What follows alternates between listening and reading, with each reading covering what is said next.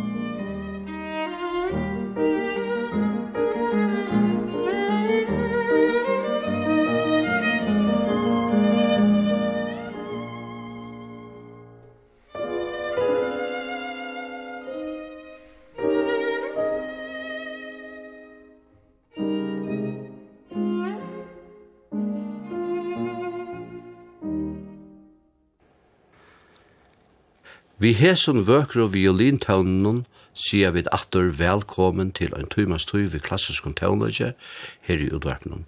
Velkommen til Bolero. Og i det har vi valgt at vi får å spela kamertøvnløyg fra romantiska tøyerskøyden. Henda tøvnløygen som vi lade fyre vi åtte Fritz Kreisler, og vi var esteruskur violinister og tøvnasvier. Han levde fra 1875 til 1922 og hei ein veriligan såkalligan stjøtnestatus som tånleikare og synartøy.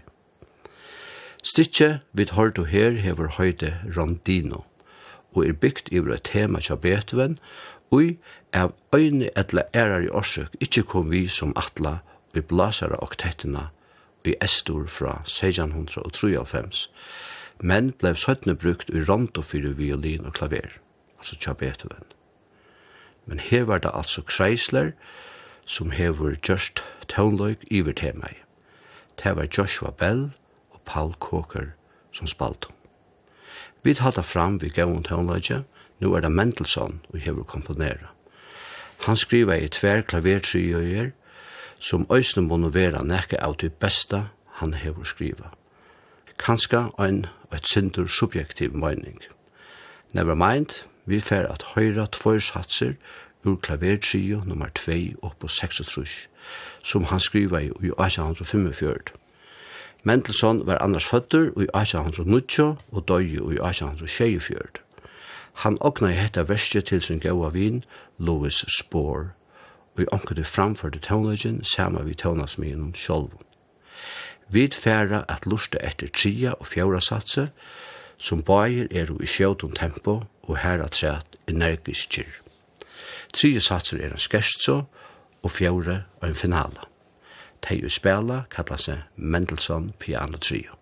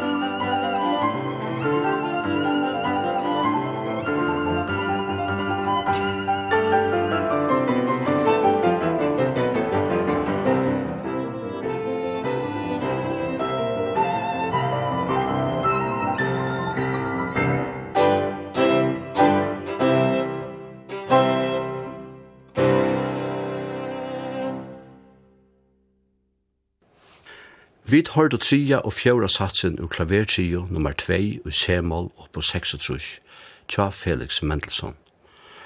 Og fra ein klavertrio færa vi nå atter at høyra en strutjekorstett tja Tchaikovsky. Tchaikovsky var russisk tøvnasmyr som levde fra 1804 til 1893.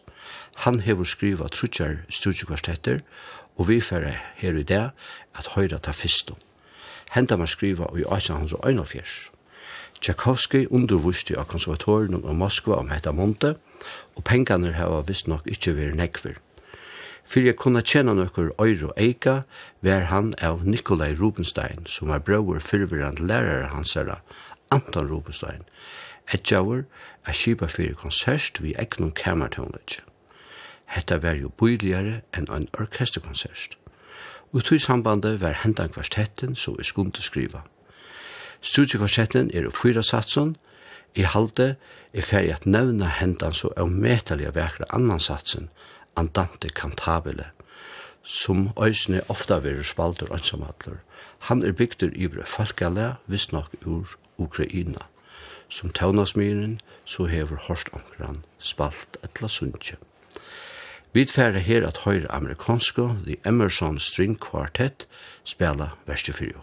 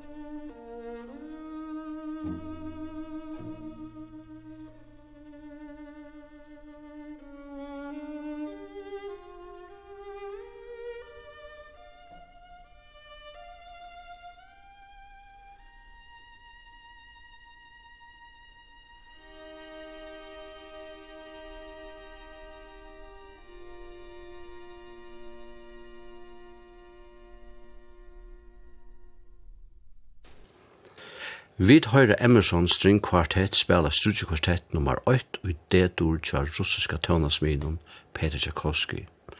Og vi halda fram vi tria satse som er en skerstso og fjora satse som er en finala. Kjer så vel.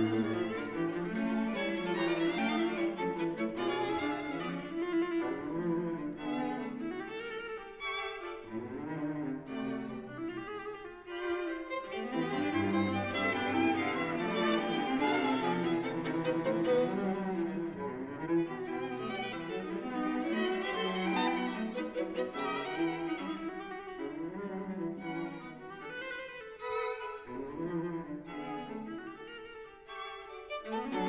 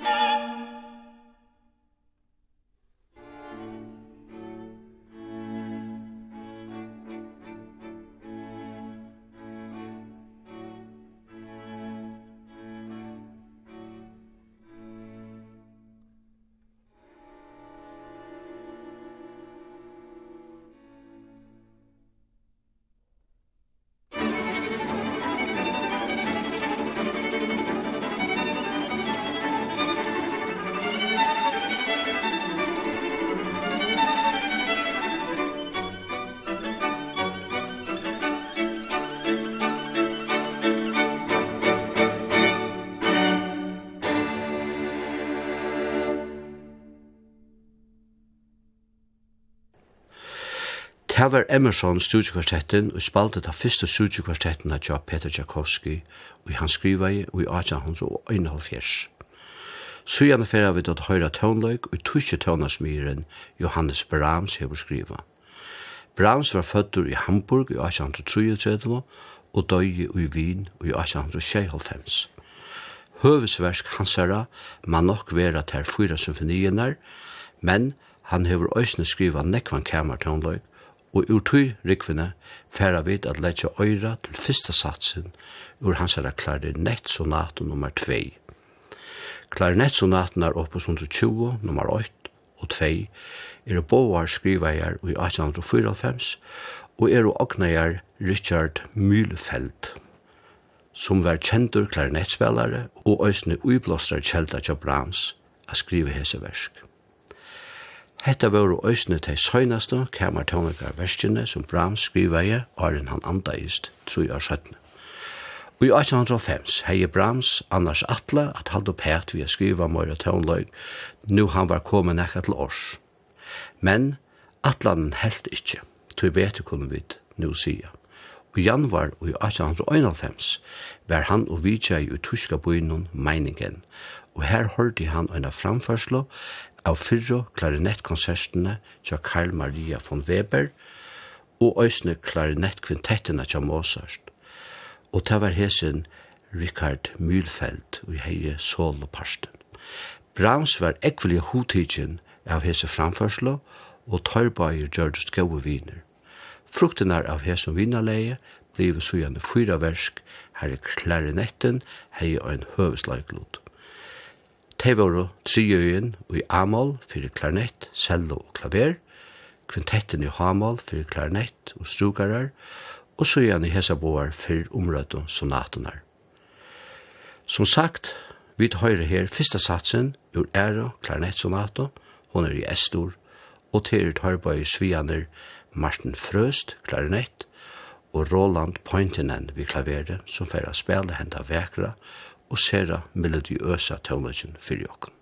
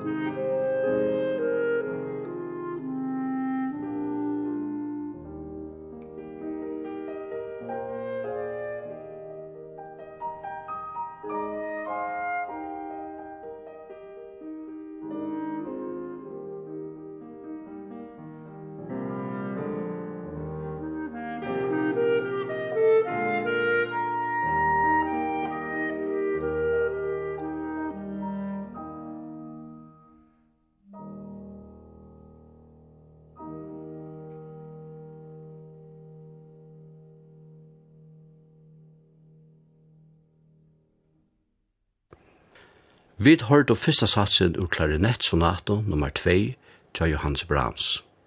Og vi kommer spekliga framme med de endanen av sendingen i Hesefer, her vi spela romantiskan kamertonløk. Vi tverra til at høyra tvei smastikker at sett, og vi enda av synder av samme hatt som vi byrja av, vi tåna ikke av Fritz Kreisler. Fyrst høyra vi til viner Minature March, som han skriva i 1925 og til er Attor, Joshua Bell og Paul Coker som spela.